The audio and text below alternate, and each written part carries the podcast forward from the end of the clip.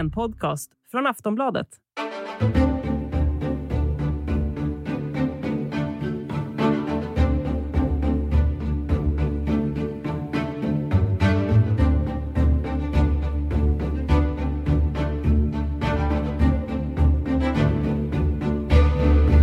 Hej! Varmt välkommen till Aftonbladet Utrikes. Jag heter Jenny Ågren. Jag har alltid med mig Nivette Davud. Hello! Hej! Hej på dig! Hej! Hej! Hur mår du? Det är bra. Det är sista avsnittet före årsskiftet. Testad och klar? Testad och klar igen. Yes. Härligt. Och frisk. Och frisk. förstås. Ja, vi står båda här två med negativa tester och antikroppar.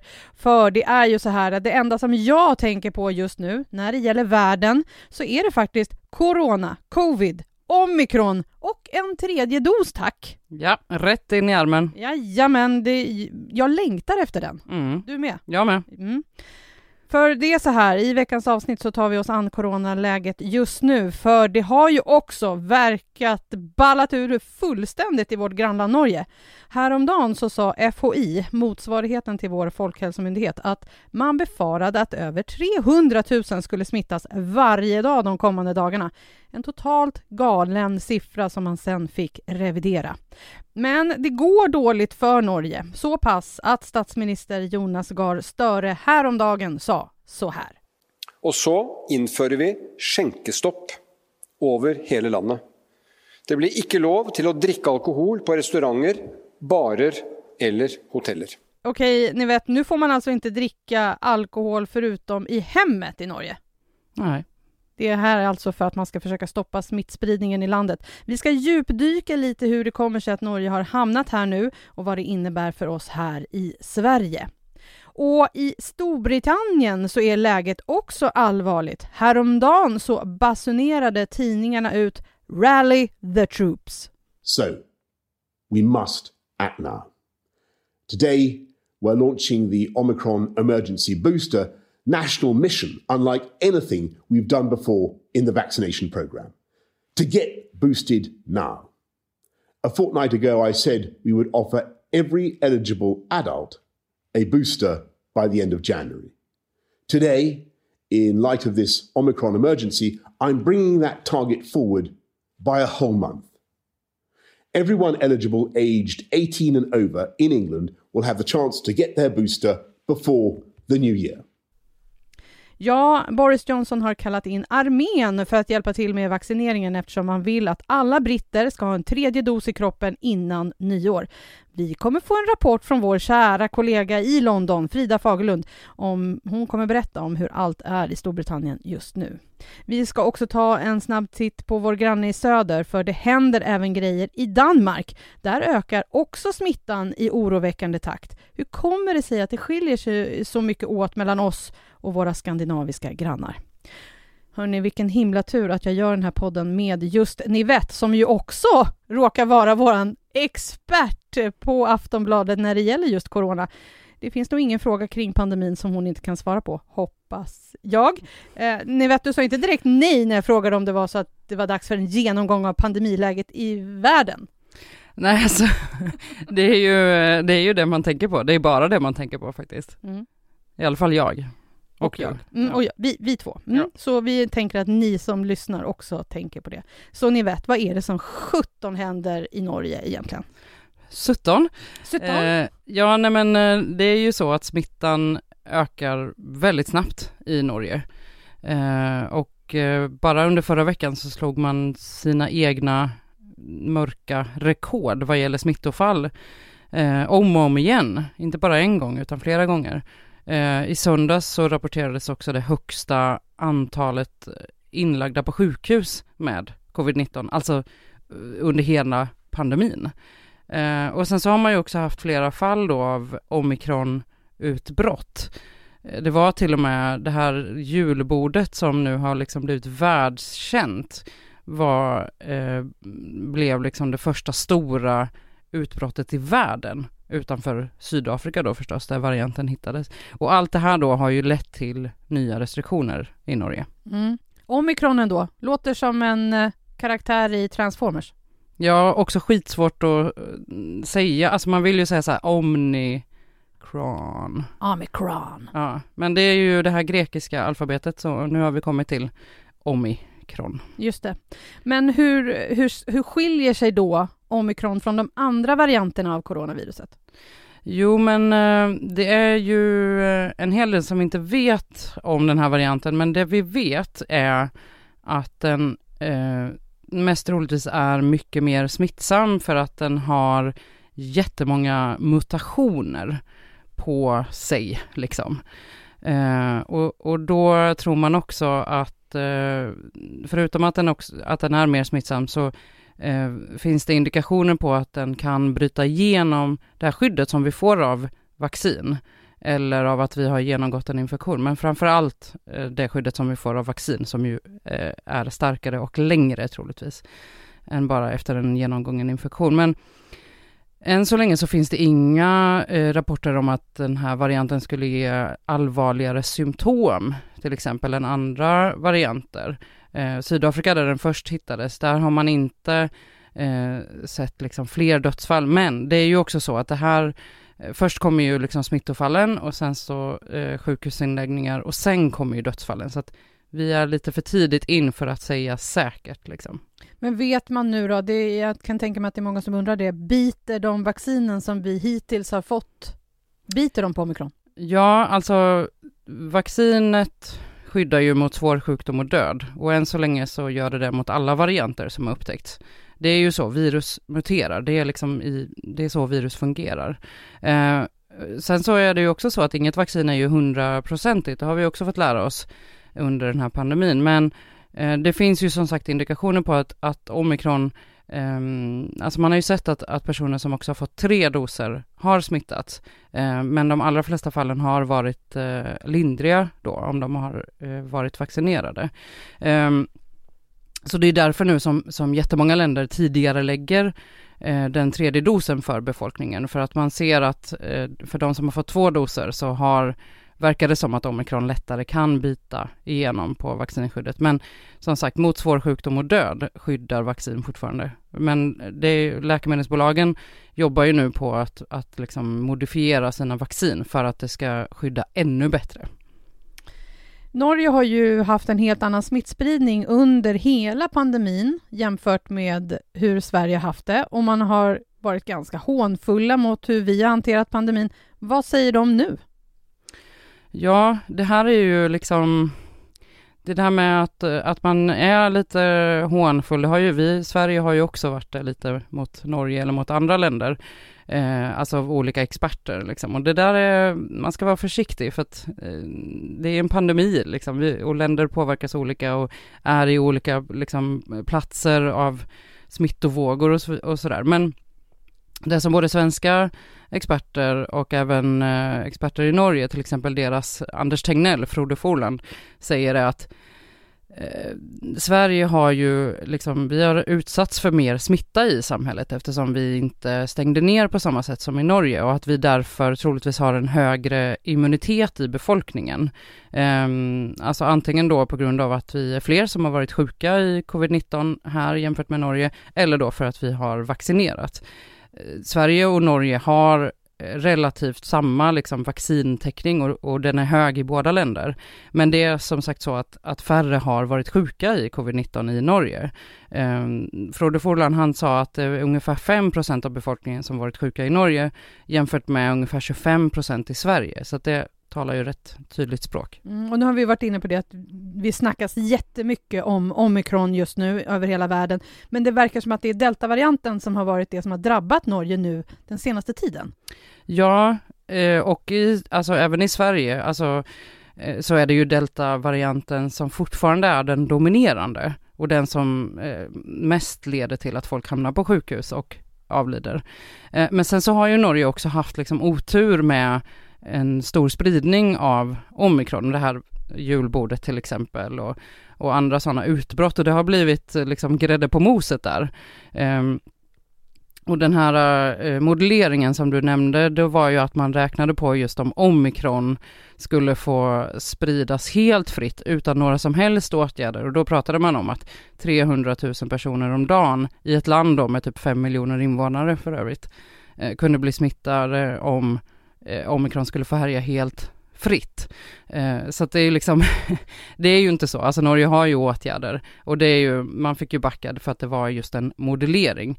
Eh, men det är liksom omikron som har blivit game changern som de pratade om i Norge, att det är den som har gjort att en svår situation redan eh, har blivit mycket svårare och kan komma att bli ännu svårare, framförallt då för hälso och sjukvården. Mm. Och vi hörde ju här eh, tidigare hur eh, Norge har infört nya restriktioner för att stoppa smittan. Bland annat så blir det liksom noll alkohol på restauranger, hoteller eh, och liknande.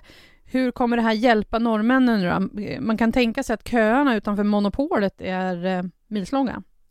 Ja, det, så kan det nog vara, det här vin, vinmonopolet som vinmonopolet de har, motsvarande vårt mm. systembolag. Mm. Alltså syftet med ett sånt här alkoholstopp eh, är ju att, eh, ja det är ju lite likt det som vi hade i Sverige för övrigt, när, vi, när krogar och restauranger fick stänga tidigare. Och det är ju liksom hela idén med det att eh, när man dricker alkohol i större mängder så blir man mindre försiktig, man kanske mm, liksom kramas mer, ställer sig närmare, börjar prata högt och ska liksom, du är min bästa vän. Alltså, Känner kör de här, liksom, ja men blir full helt mm. enkelt mm. och eh, blir mindre försiktig med kontakt och hålla avstånd och sådär. Så det är ju syftet med ett alkoholstopp, det är ju inte eh, så mycket att man ska, liksom alla ska vara nyktra, eh, utan eh, minska kontakterna och Ehm, ja, minska risken för trängsel och, eh, och eh, ett, sätt, ett ställe där smitta får frodas. Mm. Men ni vet, finns det någon forskning på om att det faktiskt hade effekt med att vi inte var ute och rände på restaurang och var mindre försiktiga? Eller är det bara så att siffrorna talar sitt tydliga språk? Ja, det är lite svår fråga, eh, men det man kan säga är ju att alltså Folkhälsomyndigheten här i Sverige och eh, även i Norge förstås eh, gör ju sådana här modelleringar då, scenario och de baserar man ju på just kontaktintensiteten, att ju högre kontaktintensitet i samhället, desto högre är risken för smitta, vi trängs och ja men som sagt eh, Eh, kommer varandra nära och de här eh, viruspartiklarna som, kom, som kommer ut från vårt saliv och när vi nyser, att de har lättare att, att hamna på andra. Och, och då gör man ju ett värsta scenario med hög kontaktintensitet och eh, och så följer man det för att se om det behövs restriktioner och, och liksom rekommendationer och råd och sådär. Det man har sett är ju att när, när vi har liksom följt restriktionerna Eh, så har ju kontaktintensiteten minskat. Så att eh, på ett sätt så blir det ju att siffrorna talar sitt tydliga språk, men vi vet ju inte eftersom vi inte har nått värsta scenarierna, liksom, eftersom vi har haft eh, restriktioner. Så det är ju, man får ju pröva sig fram. Den här pandemin har vi ju aldrig varit med om tidigare. Ehm, men allt det här är ju för att dra ut på förloppet. Smittan finns ju i samhället, att, men det här är ju för att liksom platta ut kurvan, det här välkända uttrycket som vi nu har, för att inte hälso och sjukvården ska bli överbelastad. Tänker också på alla ord man har lärt sig under pand pandemin. Kontaktintensitet som du sa ganska många gånger nu. Ja men precis. alltså det har vi väl aldrig använt förut ändå? Nej men precis, och hålla, hålla avstånd och munskydd har man ju lärt sig liksom hur man ska Verkligen. sätta på sig och sådär. Även om mina glasögon fortfarande alltid blir Immiga. Immiga. Ja, det blir mina också. Men du, ni vet, eh, vad skulle det betyda om man nu skulle stänga gränsen mellan Sverige och Norge? Ja, det gjordes ju på ett sätt ett tag, eller det, det, var ju liksom väldigt, väldigt svårt att ta sig in i Norge under väldigt lång tid, någonting som faktiskt också blev till i princip en diplomatisk kris mellan Sverige och Norge, för att vi har ju jättemycket gränspendlare som som nästintill fick det omöjligt att, att ta sig över och kunna jobba. Mm. Eh, och statsminister, eh, förra statsministern Stefan Löfven och, förra statsministern, ja, och ja. Anna Solberg som ju också är förra, ja. de fick ju eh, liksom träffas och, och, hålla möten om det här och komma överens och sådär. Men eh, det är ju så, Norge har ju haft en, en, alltså bland de hårdaste gränsreglerna i världen.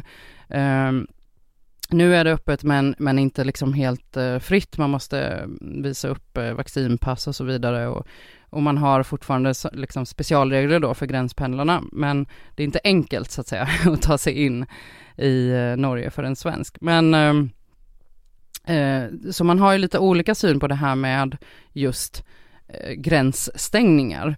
Eh, och eh, jag tyckte det var väldigt intressant när vi, när vi intervjuade Frode Forland, alltså Norges då Anders Tegnell, han var så här, ja, Sverige skulle ju nu till exempel kunna stänga gränsen mot Norge i typ en, två veckor. eh, för att bara stoppa smittan just nu för tillfället, för tillfället. Alltså vi har ju omikron mm. i Sverige, men bara stoppa ett större inflöde.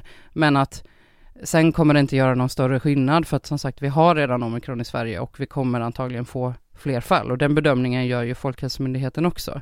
Och där kan man också säga att Sverige har ju eh, också förstås haft liksom, in, vi har ju inreserestriktioner för, för medborgare från andra länder utanför EU till exempel, men ser på det lite på ett annat sätt än vad Norge gör, eh, där man till exempel inte behöver sitta i karantän eh, om man har rest in från ett annat land, vilket man ju behövt göra om man åker in till Norge, eh, utan då handlar det om det egna ansvaret att testa sig efter utlandsresa och sådär. Så där, nu tar vi och kopplar upp oss mot London och vår korre där. Hallå! Eller jag ska säga hello! Frida Faglund. Ja, hej! Jag kör en hej ändå. ja, det känns bra. Hur är läget med dig? Jo tack, det är bara fint. Uh, ingen covid här och jag lyckades till och med uh, boka min tredje booster häromdagen så att uh, jag känner att jag är på banan rent covidmässigt i alla fall. Nu blir vi låter... jätteavundsjuka här, vi vill också mm. ha booster. Det låter jättebra Frida, men vi ska börja med att bara fråga, ni vet hur smittoläget är i Storbritannien?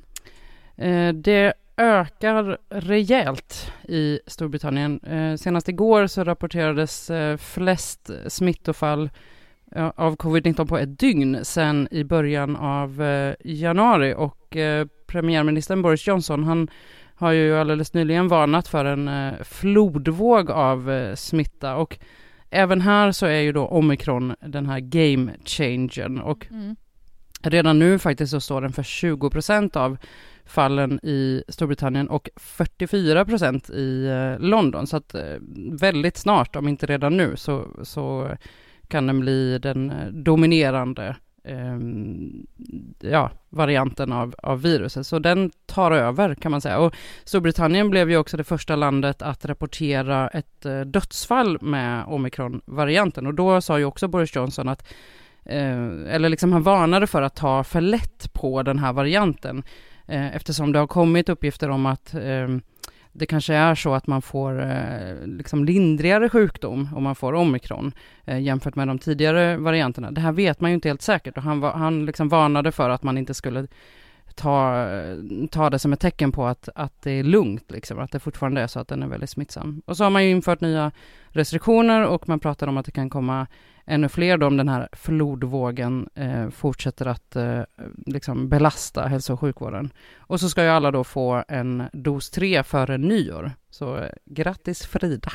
Mm. Frida, hur oroligt är det i landet nu skulle du säga? Alltså jag skulle väl inte säga att det är oroligt. Det är väl klart att man ser att siffrorna ökar. Jag tror att människor mest eller främst är rädda för att landet ska stänga ner igen. Alltså att det ska införas en ny lockdown. Och det finns ju en viss rädsla för att det kommer ske i januari. För att, att de skulle ställa in julen, jag tror inte att någon har trott det. För att det blev ju sånt, sån uppståndelse förra året när Boris Johnson först var jättesjälvsäker och menade på att vi kommer absolut kunna fira jul med våra nära och kära och sen i sista stund så kunde man inte det. Och jag tror helt enkelt att han rent politiskt inte kan försätta sig själv i en sån situation igen. Men det är därför många då befarar att man istället kommer införa någon sorts lockdown i januari. Men i övrigt så, ja, alltså det som var så intressant med just den här omröstningen kring covidpassen var ju att Johnson inte hade särskilt stort internt stöd, alltså från Tories. Han fick ju faktiskt igenom det förslaget enbart för att Labour ställde sig bakom det.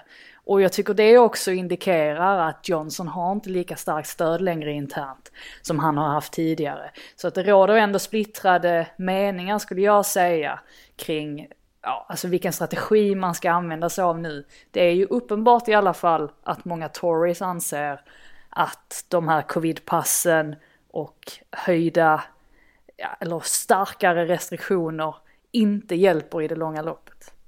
Det här är så himla intressant, för vi har ju sett det nästan genom hela pandemin hur otroligt politiserad coronapolitiken eh, eller vad man ska säga, restriktioner och så vidare, är i Storbritannien och det fortsätter nu. Det är två år in ändå. Otroligt. Eh, Frida, häromdagen så eh, skrev ju tabloidtidningen The Sun Rally the Troops eh, i stora rubriker. Hur har man reagerat på att man kallar in militären för att liksom få skjuts i den här så att alla får en tredje dos innan nyår? Ja, det lät väl lite mer dramatiskt än vad det kanske är i, i och för sig. Nej, det handlar ju bara om att NHS, sjukvården då, redan är så pass överbelastade Eh, Eh, så att man helt enkelt har försökt ta till alla metoder nu för att man ska kunna nå det här målet att alla vuxna ska vaccinera sig innan nyår. Jag tror ju inte att det kommer ske. Ehm, jag vet redan att Skottland har meddelat att de inte tror att de kommer kunna få alla vaccinerade fram tills nyår. Jag tror själv fick tid den 28 december, så det är ju faktiskt precis innan. Men eh, det kommer ändå bli väldigt tufft att att uppnå det, det målet. Men de gör ju vad de kan och eh, det är väl antagligen för att man vill undvika en, en ny lockdown för man vet vad det kommer att göra. Eh, alltså rent ekonomiskt för landet kommer bli ytterligare ett hårt slag. Men eh, ja, det, man gör vad man kan helt enkelt. Men det, det är ju inte, det är inte lätt att veta heller hur pass illa den här varianten är. Och det är väl, det är väl därför också folk är lite um, ja, alltså känner sig, tycker att det känns lite ovisst kring alla restriktioner också, alltså hur mycket de kommer hjälpa för att än så länge så känns det som att väldigt många studios, studier pekar mot att omikron inte är så värst illa eh, sett till, till dödsfall och sådär, så det kanske kommer ta ett tag också för att få folk att inse att de faktiskt eh, måste ta eget ansvar för att man ska kunna stävja den här smittspridningen. Mm, Nivette var ju inne på det här med att eh, Storbritannien också hade det, det, första dödsfallet till följd av omikronvarianten eh, häromveckan. Eh, hur var reaktionerna och rapporteringen kring det? Alltså, ska jag vara helt ärlig så tycker inte jag att rapporteringen har varit sådär eh, alltså överdrivet mycket. Jag skulle väl säga att de tidningarna jag har läst, där har man mer pekat mot studier som visar då att symptomen är lindrigare och att eh, det behöver inte vara så farligt det här. Eh, visst, alltså det kommer vara många som, som smittas, men man vet ju fortfarande inte hur pass många som kommer behöva få vård på sjukhus. Och det är ju det som är det viktigaste där, att man inte överbelastar sjukvården. Eh, så att, ja, alltså återigen, alltså det är viktigt det här att man, man fortsätter testa sig, att man inte går till jobbet om man känner av någon symptom eftersom att symptomen är lindrigare. Eh, men jag skulle väl inte säga att, att, att folk är, jag tyckte i alla fall inte att reaktionerna var sådär överdrivet stora om, om man jämför med hur det har varit alltså under hela pandemin så att säga. Mm, det har ju stormat rejält kring Boris Johnson också den senaste tiden. Hela krisen kring förra årets julfest och så har han blivit pappa för vad man tror är den sjunde gången. Hur hinner man, han med pandemin också? Jag hade faktiskt en, en kompis som sa häromdagen att han tyckte att eh, är man premiärminister då, då, kan man inte skaffa en massa barn. Alltså man har andra, man har andra viktiga uppgifter att ta sig an. Och eh, ärligt talat så just hela den här anledningen till att Boris Johnson gick ut med de här strängare restriktionerna, alltså just på den dagen han gjorde, det hade ju garanterat att göra med att den här julfesten blev eh, allmänt känd. Nu nekar ju Johnson till att den här festen har ägt rum. Men det finns så oerhört mycket bevis för att det faktiskt har varit så att det, det börjar nästan bli lite löjligt att han fortsätter vidhålla att han inte visste någonting om det här eller att han, eh, ja, att det inte har funnits någon fest helt enkelt. Och dessutom tvingades ju hans, ja, nuvarande, eller hon var talesperson men var vid det tillfället i december förra året, eh, Johnsons pressekreterare Allegra Stratton, hon avgick ju till och med efter det här för att hon hade ju, det var ju det videoklippet som spreds där hon stod och skrattade åt eh, en eventuell julfest då som de, som de pratade om. Och jag tycker ju att det visar att det måste ju ligga någonting mer bakom det här. Varför skulle hon avgå annars? Det, det känns inte riktigt rimligt. Och jag tror att det också har gjort att Johnson sitter lite pyrt till internt för att han kastar ganska många av sina medarbetare under bussen. Och jag tror inte man kan göra det Um, ja, man kan göra det till en viss, till, till en viss gräns, sen börjar det muttras. Så att uh, ja, han, han sitter inte så bra till för tillfället heller. Och så nu dessutom ska han bolla att han ännu en gång har blivit pappa. Det är, ja, det är bråda tider för honom minst sagt. Frida, kommer du få fira jul nu då? Ja, men jag räknar faktiskt med att jag kommer få göra det. Um, tycker inte att det finns så stora indikationer på att vi, eh, ehm, ja, att vi, att vi måste hålla oss borta eller eh, att man inte får ingå i någon sorts bubbla. Eh, ett tecken som är väldigt, eller någonting som är väldigt bra att hålla koll på det är hur de hanterar pubbarna. För att så länge de håller pubbarna öppna, då, då känns det ändå som att eh, ja men då kommer det inte ske hårdare restriktioner. Och just nu är det ju faktiskt så att i, på restauranger och eh, pubbar behöver man än så länge inte ha munskydd på sig, inte ens när man rör sig i lokalen. Eh, så att, ja, så länge det är så så tror jag nog att dels håller det engelsmännen relativt lugna, men jag tycker också att det visar att någonstans så, ja, jag, ja de kommer försöka hålla samhället öppet så, så länge det bara går.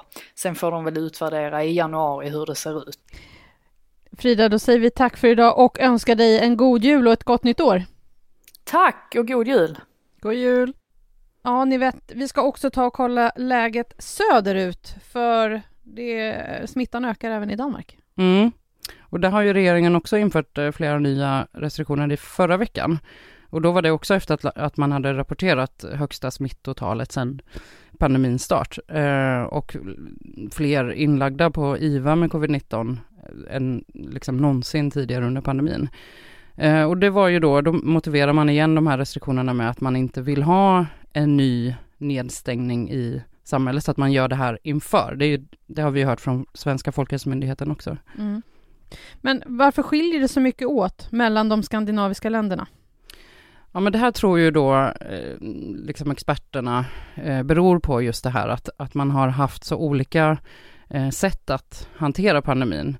Ehm, Sverige eh, har troligtvis en, en högre immunitet i befolkningen för att fler har varit eh, smittade. Ehm, för att i Sverige, Norge och Danmark så är vaccintäckningen som sagt ungefär lika hög. Det är till och med så att i Danmark så har man ju gett dos 3 under mycket längre tid. Ehm, men som sagt, smittan där är just nu högre än i Sverige. Sen är det, jag har sagt det förr, men det är lite vanskligt att jämföra länder. Men så, då har jag fått det sagt. Ehm, och sen så finns det också en teori om att eftersom Sverige hade mindre hårda restriktioner så har det liksom påverkat vårt beteende.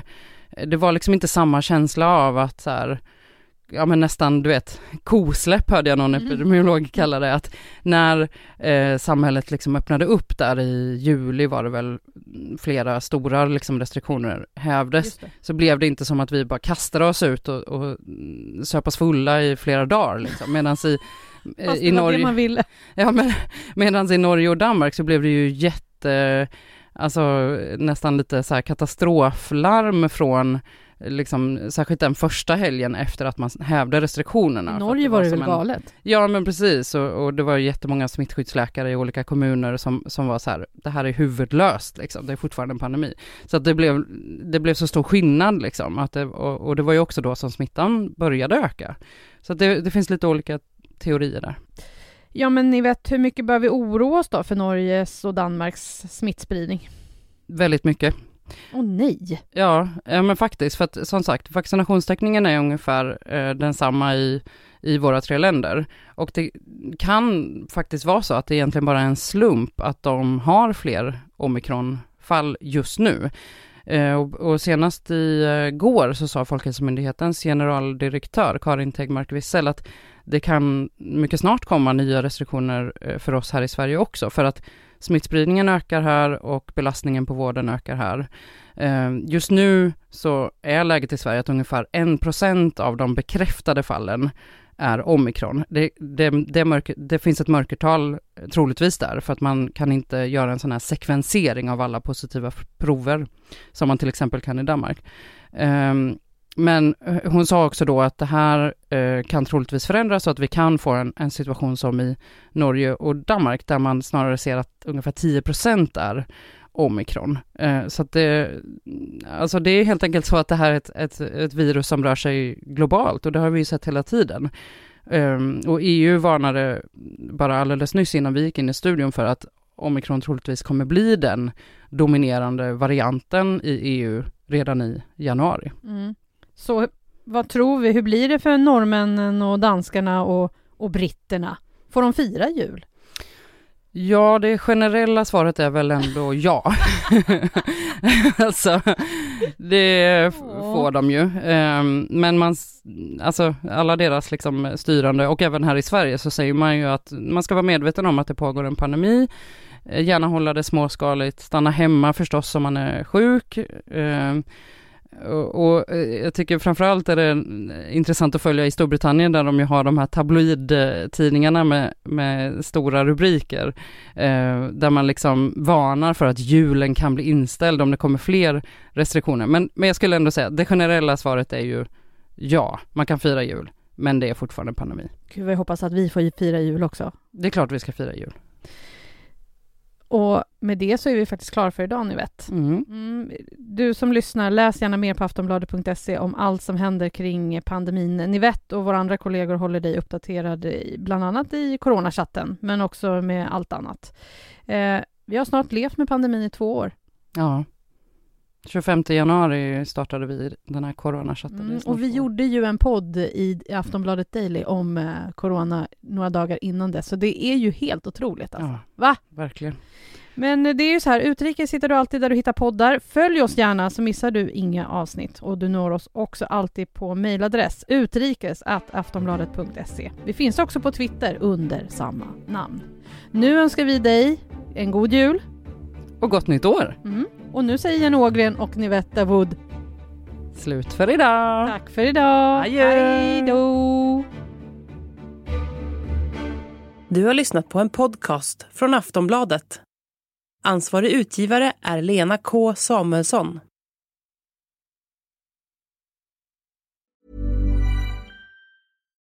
Millions of people have lost weight with personalized plans from Noom. Like Evan, who can't stand salads and still lost 50 pounds. Salads generally for most people are the easy button, right? For me, that wasn't an option. I never really was a salad guy. That's just not who I am. But Noom worked for me. Get your personalized plan today at Noom.com. Real Noom user compensated to provide their story. In four weeks, the typical Noom user can expect to lose one to two pounds per week. Individual results may vary.